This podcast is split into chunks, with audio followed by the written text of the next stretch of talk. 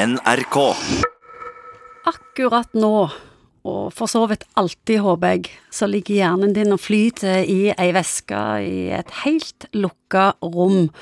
Og rundt hjernen er det bein på alle sider som beskytter hjernen. Men så hender det at noen er så uforsiktige eller uheldige at de slår seg knallhardt, og at hjernen inn der får seg en større trøkk enn han tåler. Og hva skal vi snakke om, Morten Munkvik? Kanskje en sånn hjernerystelse? En helt klassisk hjernerystelse. Ja. Hvor ofte må du forholde deg til potensielle hjernerystelser? Og du er jo lege for Oilers i tillegg. Det var akkurat det. Heldigvis sjeldnere. For det er jo en ting man har klart å redusere i norsk eh, hockey, tror jeg i alle fall. Det er skader mot eh, nakke- og hoderegion. I hockeymiljøet har hjernerystelse blitt kalt en epidemi. Ja, og Hvorfor så mye den idretten? Nei, det er en kontaktsport av de sjeldne, men enda verre er det jo i eh, amerikansk fotball. Er det blitt en karrierestopper for folk? Å ja, å ja. Dette stopper enkelte sportskarrierer ganske plutselig. Og det har jeg vært med på òg, at det har stoppa folk fra å drive på med idretten sin.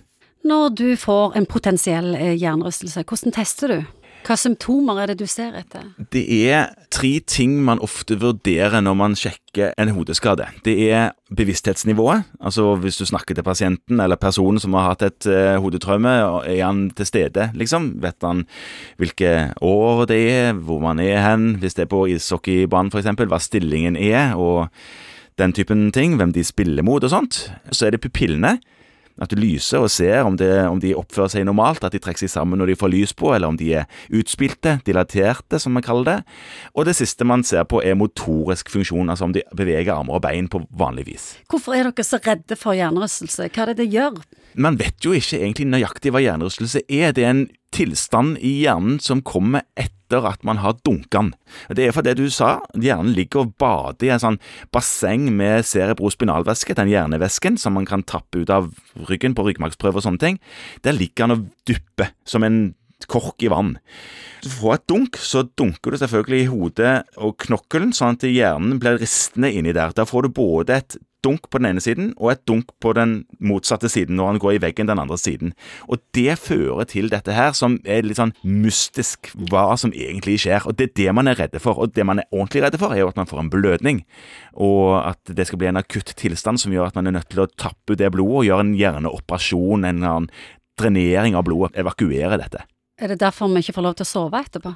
Ja, man, man får lov å sove, man skal, men man skal være sikker på at man eh, blir tatt hånd om gjennom natten den første natten hvis man er usikker. Ja, det, Men det er grunnen, ja. At man mister bevisstheten i søvne. Det som man noen ganger sa før, at man skulle gå hjem og vekke pasienten gjennom natten, det, det ble litt sånn vanskelig. Anstrengt? Ja, sant. Så hvis man er engstelig for om dette her er en alvorlig hodeskade med blødning, så burde man kanskje observere det sjøl som helsepersonell. Men hvis man er trygg på at dette her i gåseøynene bare er en hjernerystelse og ikke en blødning av noe slag, så kan man eh, dra hjem og gjerne sove, men bare se til at ting virker normalt gjennom natten. Du sier egentlig gå hjem og vent og se. Gå hjem og vent og se. Hvor lenge?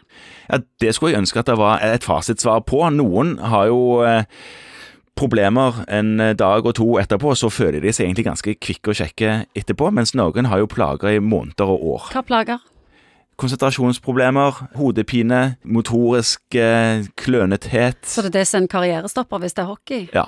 Hvorfor er det så ille å se på TV eller følge med på smarttelefonen sin når en har mistanke om hjernerystelse? Det er fordi at hjernen er litt satt ut av eh, spill, og bør ikke provosere. Så det kan jo, det er ikke bare det med TV og mobiltelefon, det er òg lys generelt. Noen bør ligge og slappe av og ikke ha for mye lys på, og ikke for mye lyder. Ta det rett og slett helt kulig, og da unngår man risiko for ny skade for tidlig. NRK.